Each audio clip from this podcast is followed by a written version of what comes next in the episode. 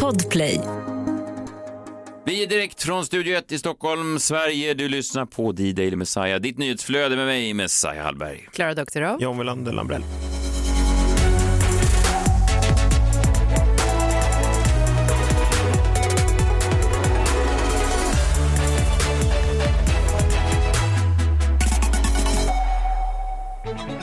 Det är torsdag eh, och det är det, är det de brukar säga, va? Första eh, torsdagen...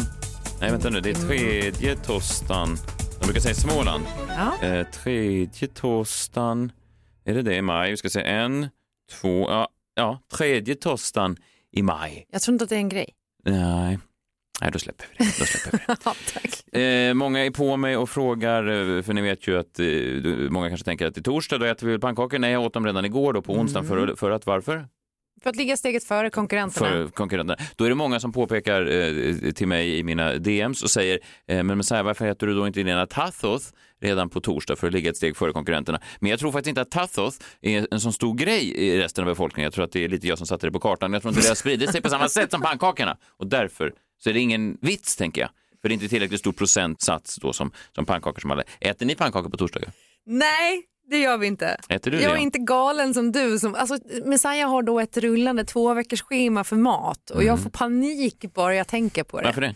Så att du vet exakt vad du ska äta varannan vecka på den dagen. Mm. Och det är samma schema då som byts. Och så börjar de från början. Men vad gör du då? Du, du höftar det?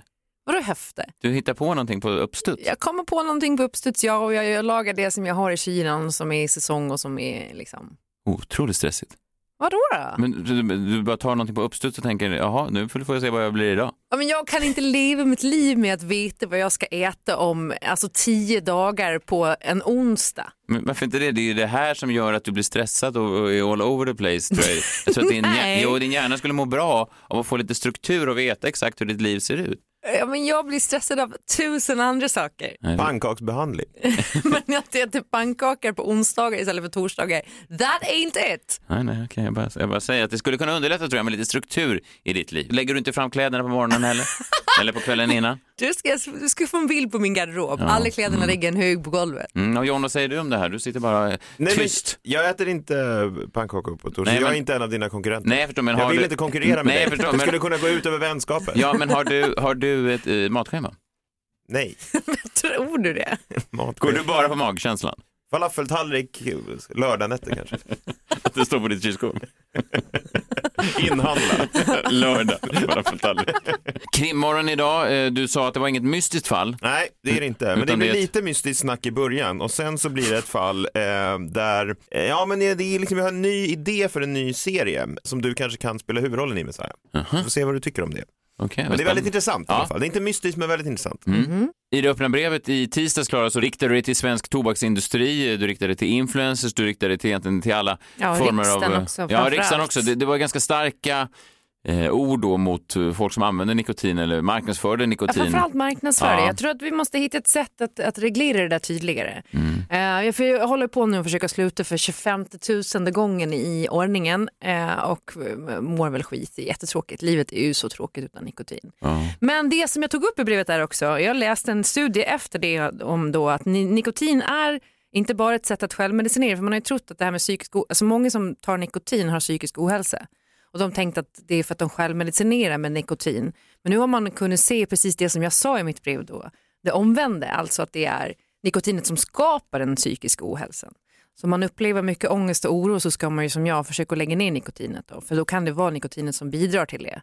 När jag inte tar nikotin har jag ju ingen ångest. Nej, och återigen, jag vill inte verkligen, men, men och du tror inte att det skulle bidra då med att få bort ångesten om du bestämde då exakt vad du ska äta? Nej. Nej. Ta bort, ta bort inte. nikotinet och in med pannkakorna. Jag kan Men inte det är inte äta... bara pannkakor, det är ju det är ju ambulerande schema, det är ju då tio rätter som vi går Vad runt. äter du de andra dagarna? Vi Ja. hör ju bara om Ja, men tassosen och pannkakorna. Ja, men det behöver jag inte gå in på. Men det är väl pasta för pest och det är ganska enkla grejer. Kycklingfilé och någon gräddsås och någon lax. Ja. Pasta. Vad skrattar du åt? Nej men Ja. alltså, jag, jag skulle få panik, jag måste kunna äta det jag är sugen på för dagen, annars kan jag inte äta Men då överhuvudtaget. spricker ju systemet. Ja, jag vet. Men det var en annan studie jag tänkte vi skulle prata om nu som jag tyckte blev eh, väldigt tydligt. Och alla ni som snusar, lyssna på det här nu. Hörni. Det finns alltså en studie som visar tydligt att råttor som fick nikotin drack dubbelt så mycket alkohol. Alltså de krökade på dubbelt så mycket. Vilken som, bar träffar man dem ja, men som råttorna som inte fick nikotin. Alltså de blev då partyråttor av nikotin. Så om man upplever att man eh, kanske tar sin cigg eller sin snus och så känner man att man är lite sugen på alkohol och så blir man ännu mer sugen på alkohol, då är man en sån här partyråtta. Så fascinerad över den studien att man tänker att man serverar dem alkohol i små, små skålar. Små shotglas. I burarna. Fast de borde, de, de Fan borde, inte en till nu Bernhard. Kom igen Bianca, bara en till.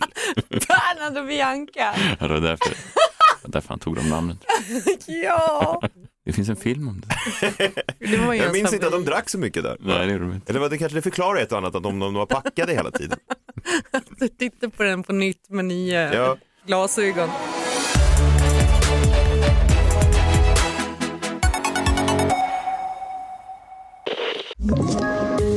Poddtips från Podplay. I podden Något Kaiko garanterar östgötarna Brutti och jag, Davva, dig en stor dos skratt. Där följer jag pladask för köttätandet igen. Man är lite som en jävla vampyr. Man har fått lite blodsmak och då måste man ha mer. Udda spaningar, fängslande anekdoter och en och annan arg rant. Jag måste ha mitt kaffe på morgonen för annars är jag ingen trevlig människa. Då är du ingen trevlig människa, punkt. Något Kaiko, hör du på Podplay. Därför är gardinerna.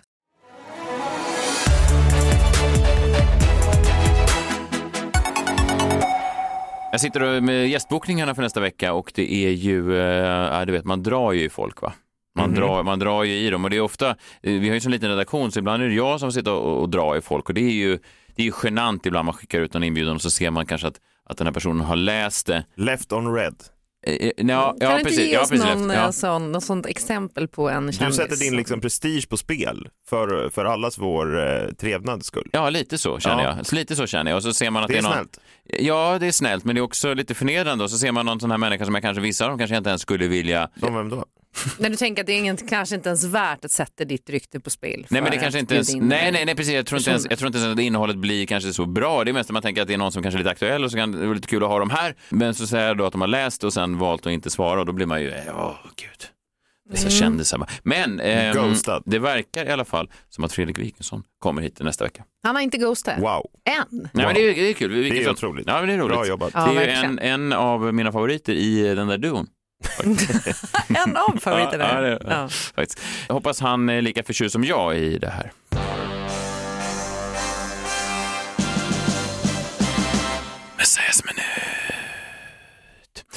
Jag vänder blicken mot Ukraina nu. Ni minns att jag tog upp den här låten från Ukraina förra veckan och sa att det, ja, vad ska man säga, att den var ganska hemsk. Mm, och sen tror man att den inte kan bli värre. Jo då. Nej, nej, Nu nej, stäng av. Ge mig en Ipren, ge mig en Ipren. I alla fall, eh, jag sa det här och då fick vi ett mejl från eh, Monica Nilsson. Hon sa hej, hej, jag älskar er, ni är med eh, mig varje dag. Tack Monica för att du lyssnar. Men jag vill uppmärksamma att Ukraina har så himla många bra låtar och sånger som visar kampen för deras land.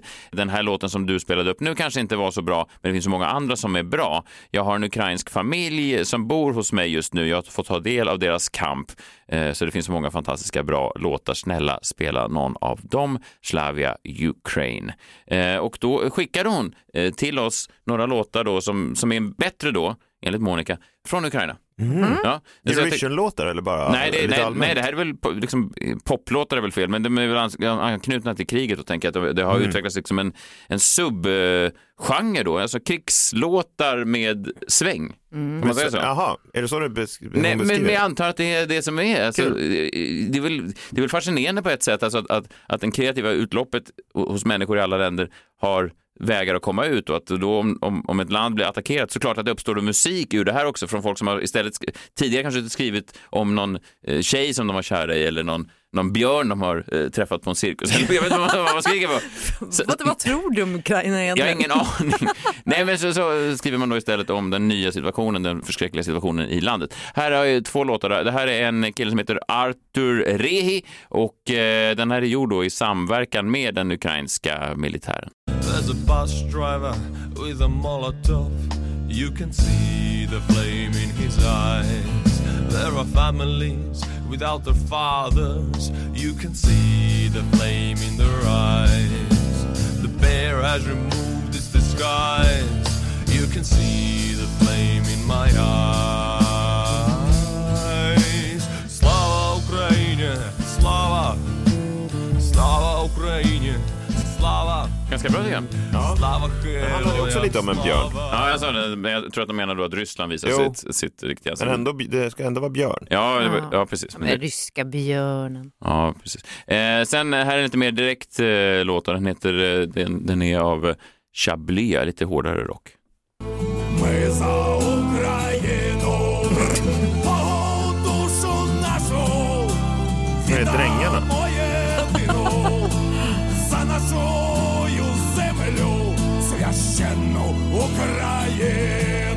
Ukraine peasants. Душу нашу, віддамо єдину, за нашою землю, священну Україну. Ла-ла-ла-ла-лай, ла-ла-ла-лай, гей, ла-ла-лай. Lite hårdare. La, la, la, la. Jag tror jag såg de här live på E-Types krog. Ja, lite vikingakänsla. Just de här låtarna har kanske inte tagit sig till Sverige annat än via vår podd, men jag har annars anat då en, vad ska man säga, en ukrainsk vår för ukrainska konstnärer. Det finns ju uppenbarligen då ett intresse för ukrainska konstnärer och kulturutövare som kanske inte har funnits tidigare. Jag läste i tidningen här igår att Alexander Skarsgård nu ska spela huvudrollen i en ny film, The Tiger, eh, en ny film i regi av Ukrainan, Myroslav Slabosjnyvskij eh, skriver Variety. Och eh, det finns ju något intressant i att man då trycker just på nationaliteten hos regissören på ett sätt som man kanske inte hade gjort för ett år sedan. Det är lite cyniskt. Jag, jag vet inte ens vad det är, men det, det säger ju någonting om att så här, jo då, Skarsgård minsann, han ska ut och filma med en ukrainare nu. Det, det hör ni. Det finns ju någonting mellan raderna i, i det som är, jag vet inte vad det är. Det är liksom ett, bara ett nyvunnet intresse för ett land som kanske har verkat i lite i det fördolda kulturellt i alla fall, i alla fall med svenska ögon mätt. Men nu kan man se det lite överallt. Eh, ja, men ni vet ju att SVT köpte in eh, Zelenskyjs eh, tv-serie Folkets tjänare, en sitcom från Ukraina. Jag har ju ingen egentligen bett om innan, Nej. men plötsligt så tänkte man det kanske kunde vara någonting. Det kanske kunde vara någonting. Eh, Dramaten eh, ha- har haft kvällar eh, och pjäser då, röster om Ukraina där ukrainska författare läses upp då i nya översättningar och svenskar sitter och klappar händerna. Så jag tror att det finns någonting. Ja, men som du gör nu till de här låtarna som jag ärligt inte tyckte var jättebra. Men det nej, kanske bara jag. Ja, jag, jag, jag kanske har lite mer respekt för, för Ukrainska Ulf Lundell där på slutet. Ja, men jag kanske har lite mer respekt för. Respekt? Jo men vadå, jag kan väl ha respekt för ukrainare och tycka att musiken du spelade fortfarande var ganska kass. Ja, men du hörde ju texten vad de sa. Ja men vad fan, jag lyssnar aldrig på texter. Nej, det kanske du borde eh, göra. Ja, i alla fall. Och eh, ja, men, främsta beviset är kanske Eurovision där ju Ukraina vann nu och det hade de väl om vi ska vara ärliga inte gjort om de inte hade varit i ett brinnande krig, eh, stackarna. Nej. Nej. Så, så att det är ju en, det är en fruktansvärd situation i landet. Men om du är så att säga en kulturutövare just nu från Ukraina så tror jag att det finns ett intresse. Jag tror att det öppnas en port här. Om du är en ukrainsk ståuppkomiker eller en ukrainsk rappare eller vad fan som helst, bara råkar ramla in på DN Kulturs eh, redaktion och kanske droppa av ett mixtape eller någonting. Ja. För jag tror att det finns en ganska stor chans nu att det kan komma en femstjärns recension. Alltså att det kan... Svårt att ge såga. Ja, det, det är nästan, ja, men nästan omöjligt att så, såga. Och också att det plötsligt finns ett intresse. Man säger, Åh, vad, vad, har den här ukrainska herren för syn på flygplansmaten eller vad nu ukrainska ståuppkomiker skojar om. Och i, i normala fall tänker man, det skiter väl jag i. Have you flown Aeroflot lately?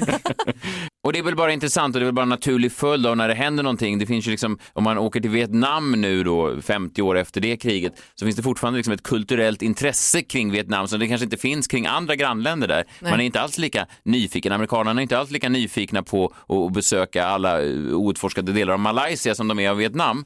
Eh, av en förklarlig anledning att, att krig är liksom det hemskaste som människor kan eh, skapa och vara med om och, och så öppnar det då nya portar och intressen som kanske inte skulle funnits där innan. Och jag vet inte vad det är, men det sitter ofta ihop med varandra och det är en symbios som är eh, ganska intressant. Så att om du nu är en ukrainare som utövar konst och du på något sätt lyckas överleva och eh, ta dig ut och, och, Och lyssna på det här. Ja, och, höra, ja, och dessutom lyssna på vår podd och förstå svenska, så tror jag att det är Mycket ganska... som ska klaffa. Jo, jag vet. Man har framtiden för sig menar du? Ja, det låter ju fel i sammanhanget, men ja, jag tror fan Ja, men om man, om man klarar sig och ja, allt går ja, bra. ja, ja.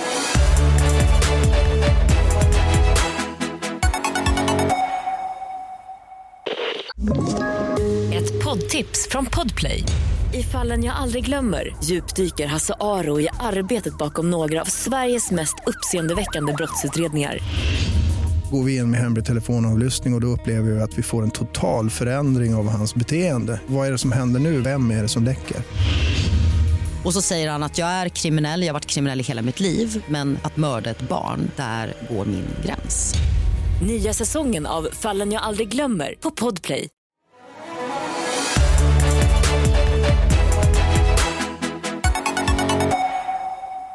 Alltså på det där med att jag inte lyssnar på låttexter, jag gör verkligen inte det. Nej. Jag trodde ju fram till för lite sedan att det hette Hooked on a ceiling.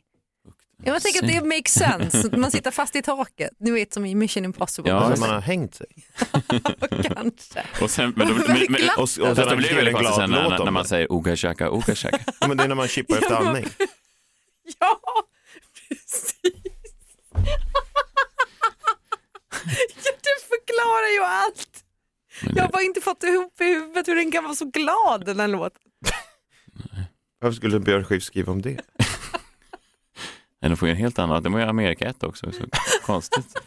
Det är märkligt. Den är syrlig. Krimmorgon. Krimmirgin, har du sagt det någon gång John? Eh, nej, jag brukar tala krimmorgon. Krimmorgon, ja precis. Varje torsdag så ju har vi ett segment som kallas för Krimmorgon. John Wilander Lambrell, kriminalboksförfattare. Han är också en eh, liten eh, true crime-nörd, privatspanare. Du har din näsa i de flesta fall och... Eh, ja, men det har du Ja, väl? det är tur att det är näsan. Ja, verkligen. Verkligen. Ja. Mm. Eh, vi har, vad, vilket fall tittar du närmare på idag? Ja, men först och främst, jag gav er en uppgift till den här torsdagen och det var att titta på den nya HBO Max-serien eh, The Staircase. Inte gjort. Ja, jag har gjort det. Ja, och den, ehm, ja, men den bygger då på det här fallet med eh, Kathleen Peterson som hittades eh, död i en trapp och hennes man då Michael Peterson blev eh, anklagad för att ha mördat henne medan han hävdade att hon måste ha ramlat ner för trappan. Oerhört fascinerande fall. Vi pratade om det här krimmorgon för några månader sedan. Men, eh, och jag vill ha, jag har lite grejer att säga om, om den här nya serien. För jag tycker den var väldigt intressant och väldigt bra på många sätt. Men jag skulle vilja då att Messiah tittar på den och eh, kanske att alla lyssnare då har tittat på den. Så man får lite uppdrag till nästa torsdag. Mm, du delar ut små läxor till folk. Ja, en liten läxa. Mm. Det är en ganska rolig läxa då.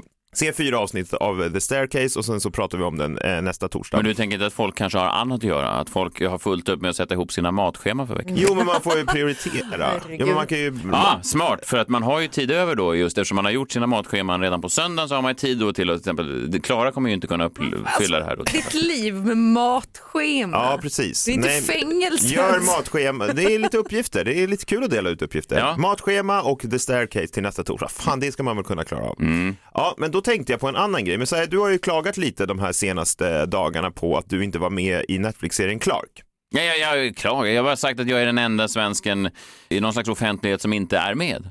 Det är väl inte att klaga, det är väl ett Nej, nej. sammanfattande konstaterande. Ja, du konstaterar Ja. det. Ja, just det. Och Ja. du har skrivit på eh, din Twitter-profil också, den enda svensken som inte är med i Clark. Just det, precis. Mm. Ja, så, men det har ju stört dig lite grann får man ändå säga. Nej, det ska jag inte säga att jag har konstaterat det bara. Ja, just det. Men då har jag en idé.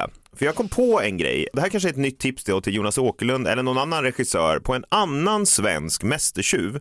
En som jag tycker är lite förbisedd. Eh, medan Clark har ju alltid varit lite grann i, i ropet. Eh, De flesta vet vem han är. Men den här personen är liksom ja, men bortglömd. Det har aldrig riktigt rapporterats eller gjort någonting kring. Och det här är ingen goding per se, men det är ändå intressant. Jag tänkte prata om sedelförfalskarnas konung, Alfred Skog. Har ni hört talas om honom? Ja, och serien då skulle heta Skog. Ja, eller Alfred. Ja, fast Alfred- Vad föredrar du? Ja, jag tror att Alfred, då blandar man ihop honom med Nobel. Ja, det gör man. Ja. Ja, men det kanske inte är så dumt. Alltså det kan ju locka in tittare. Och sen blir de besvikna då när det är En mästertjuv. sedel för, nej, för jag tror att för den här historien är så pass intressant. Men du ska i sådana fall så spela Skog, eller Alfred. Eh, konung. Han föddes år 1864 och hade sin glansperiod på 1890-talet. Precis som Joe Biden. Eh, Alfred föddes i Östergötland. Han började tidigt att prångla ut då falska sedlar, men åkte ganska snart fast. Så fort man hör ordet prångla så vet man att det är något skit på gång. Det är aldrig någon som har prånglat ut något bra. och lyckats med det då kanske. Men nej, han misslyckades då för att sedlarna var dåligt gjorda helt enkelt. Hamnade i fängelse, släpptes 1893 och lovade sig själv att aldrig mer sitta inne, lite som Clark gör i, i serien. Samma år så säger han då, jag emigrerar till Chicago, precis som du och jag ska göra Messiah Ja. om ungefär en månad. Kommer ni ens tillbaka då? eller? Nej, det är eventuellt stanna. inte. Undrar Eh, om vi kommer träffa då eh, Alfred där. Ja, men det är ju det, du behöver göra research inför den här rollen. Och tar du med dig matschemat till Chicago? Hamburger. Ja. Ja. Eh, men hans liv, Alfreds liv tog verkligen fart i Chicago. Han köpte lite utrustning, en vevpress, papper, färg, silver och kameror. Jag vet, det låter som en av Soldoktorn och Lotta Engbergs dejter, men det här var det material han köpte. Och det här var då till för att tillverka förfalskade sedlar. Vilket han den här gången lyckades med. Han hade ju suttit inne för att han prånglat tidigare, men i Chicago lyckades han. Och hans första 20 dollars sedlar var så otroligt bra gjorda att det knappt gick att urskilja från originalen. Och i Chicago blev han ju såklart då snabbt en del av överklassen, societeten. Han hade ju så mycket pengar. Tyvärr då, eh, när han betalade med en falsk 20 dollars sedel som väckte lite misstankar hos en person som kunde sina grejer då. Tyckte att varför, var kommer hans pengar ifrån den här märkliga svensken då? Då gjorde man en husrannsakan och där polisen hittade hela den här sedelpressanordningen som man konstaterade var mycket avancerad. Han hamnade i fängelse igen, Alfred, och där satt han bara tydligen och stirrade rakt framför sig i flera månader. Han rörde sig knappt. Och därför började vakterna tycka lite synd om honom. Och då gav de honom ett dragspel eftersom han någon gång nämnt att han gillade det. Han satt, han satt bara och stirrade rakt in i, i, i väggen. I liksom. väggen, så vakterna är så här, hur ska vi göra med dig liksom? Du verkar må dåligt och då sa han, jag vill ha ett dragspel. Mm. Så de ordnar ett dragspel åt honom. Och det här ledde då till att Alfred Skog varje kväll underhöll alla fångar och vakter med att spela svenska folkvisor på det här Chicago-fängelset. Alltså det är en rätt rolig scen att han står där och spelar. En Du tänker, du tänker då för tv-serien att, att det en här är... perfekt Ja, scen. Du ja. står där, du spelar dragspel. Det borde jag kunna göra. Det är inte så svårt att fejka. Man drar fram dem. Fejka, du ska ju lära dig dragspel. Fast det kan man säkert lägga på i efterhand tror jag. Jag behöver bara kunna de här rörelserna. Det här är anledningen att Åkerlund inte kastade dig, att du tror att du kan fejka dig igenom sånt här. Nej men bara en sedelförfalskare från Sverige underhåller Chicagos värsta mördare med svenska folkvisor. Det är en cool scen. Och så en kväll hade då Alfred Skog kommit överens med några andra fångar om att fly. Precis som Clark ofta gjorde. Och det var minst sagt en svensk rymning. För eh, så här gick det till då. Signalen till de andra fångarna att nu drar vi igång skulle vara när Alfred Skog spelade på sitt dragspel, men inte vilken låt som helst, utan när han drog igång låten Jänta och jag. Det var signalen. Vadå, Då- jänta och jag, Ja, då jänta skulle de andra fångarna börja bråka och liksom skapa en eh, avledningsmanöver för vakterna. Vi kan ju lyssna lite på den låten som eh, Alfred spelade då i Chicago-fängelset. Och jänta och jag och jänta och jag och allt upp på gamla vägen. Sjöng han också? Eh, det förtäljer inte historien, men eh, de här eh, andra Chicago-fångarna, de hade ju lärt sig den här melodin. De måste ju känt igen den. För det kan ju vara att han spelade en annan först. Och, att han, att de Och trodde, gick han "Är det över nu?" den här och nu. Ja, just det. De måste ju verkligen känna till Jänta och jag då. Ja. De. Ja, det var ju Ja. tydligen Al Capones favorit bland annat. Så precis när han började spela den här så började alla fångar att bråka. En vakt gick in för att avbryta bråket och då smög Alfred Skog upp bakom, tog vaktens pistol och använde den för att rymma. Han kom ut och eh, Alfred levde de efterföljande åren som en av de mest eftersökta brottslingarna i USA. Och nya förfalskade sedlar dök upp över hela landet som han stod bakom. Alaska, Kalifornien, Las Vegas. Alfred Skog verkade liksom leva livet. Sen dök han upp några år senare under en ny identitet i New York där han också blev en del av societetslivet på Manhattan eftersom han hade så mycket pengar och hans nya knep det var att trycka upp falska svenska sedlar för att lite byta stil, förstår ni? Just det. Sedan klädde Alfred Skog ut sig till smålänning och beblandade sig med svenskar nere i hamnen på Manhattan där han erbjöd växling med de här falska sedlarna. Väldigt smart Ja, då, för att det går inte att leda tillbaka till honom, väldigt svårt. Så jag vet inte riktigt vad det innebär att klä ut sig till smålänning, men jag ser framför mig att han såg ut som en kombination av Samir Badran och Ingvar Kamprad. Ja, precis. Med en sån blå eh, plastkasse från Ikea kanske. Ja, kanske. Kolla, där är en smålänning. Du frågar om han kan växla. Men så småningom hamnade ju då de här svenska pengarna i Riksbankens ägo i Sverige, där förfalskningarna uppdagades till slut. Några svenska poliser åkte över till USA där de jobbade med amerikanska myndigheter för att lyckas spåra Alfred Skog. Hans foto sattes upp på alla växlingskontor i New York och man fick in ett tips en dag då. En polisman åkte till växelkontoret och såg den här Alfred Skog, började jaga honom och till sist orkade inte Alfred springa längre. Han drog då fram sin pistol ur fickan och sköt sig själv i huvudet. Nej. Eh, han Så för... då kommer vi inte träffa honom i Chicago? Nej? Nej, Nej, inte nej. levande i alla Nej. fall. Han fördes därefter till ett sjukhus. Han erkände alla sina brott innan han dog av sina skador. På hans begravning så dök flera kända New York-profiler upp som liksom blivit hans vänner. Och trots att man hört talas om det här så hade de ändå gillat honom. Han hade liksom blivit lite av en nöjesprofil i New York. Och det var historien om en av svensk kriminalhistorias grövsta brottslingar får man säga, men också en av de mest fascinerande. Och jag tänker att här finns ju en klockren Netflix-uppföljare till Clark med Messiah Hallberg som mästertjuven Alfred Skog. Ja, det där är fan inte dumt alltså. Vem ska göra den då? Är det Åkerlund också? Han verkar hata mig. Får vi ta någon annan nästan? Jo, men du måste säga att du, att du ska lära dig spela dragspel. Du kan inte bara säga, men det där fejkar vi. Du börjar med att fixa filmrättigheterna och sen så kan du driva projektet och så utser du dig själv till Skog. skådespelare. Skog. Är det ett eller två ord? Ett. Kanske får lägga till ett för bara för att se snyggt ut på Skog. affischen. Ja. Skog. Men jag tycker Ja. Alfred är bättre. Alfred. Nej, Ja, men det är bra. Jag gillar sen när du jobbar in med de där krimmorgonen. Det är också otroligt, jag jag läste på lite här om, om Jeffrey Epstein. Ni vet han pedofilen som, eh, som hittades.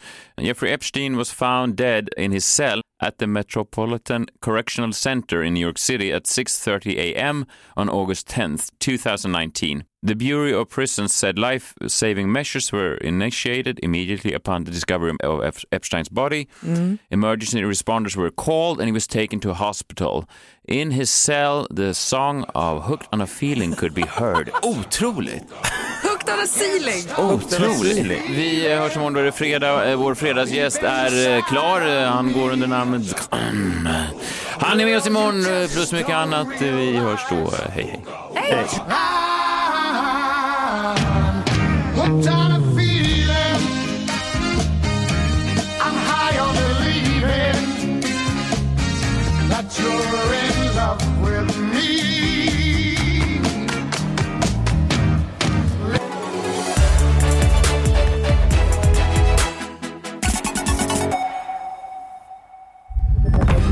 Podplay, en del av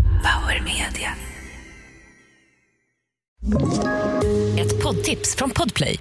I podden Något Kaiko garanterar östgötarna Brutti och jag, Davva, dig en stor dos skratt. Där följer jag pladask för köttätandet igen. Man är lite som en jävla vampyr. Man har fått lite blodsmak och då måste man ha mer. Udda spaningar, fängslande anekdoter och en och annan arg rant. Jag måste ha mitt kaffe på morgonen för annars är jag ingen trevlig människa. Då är du ingen trevlig människa, punkt. Något Kaiko, hör du på Podplay. Därför är gardinerna.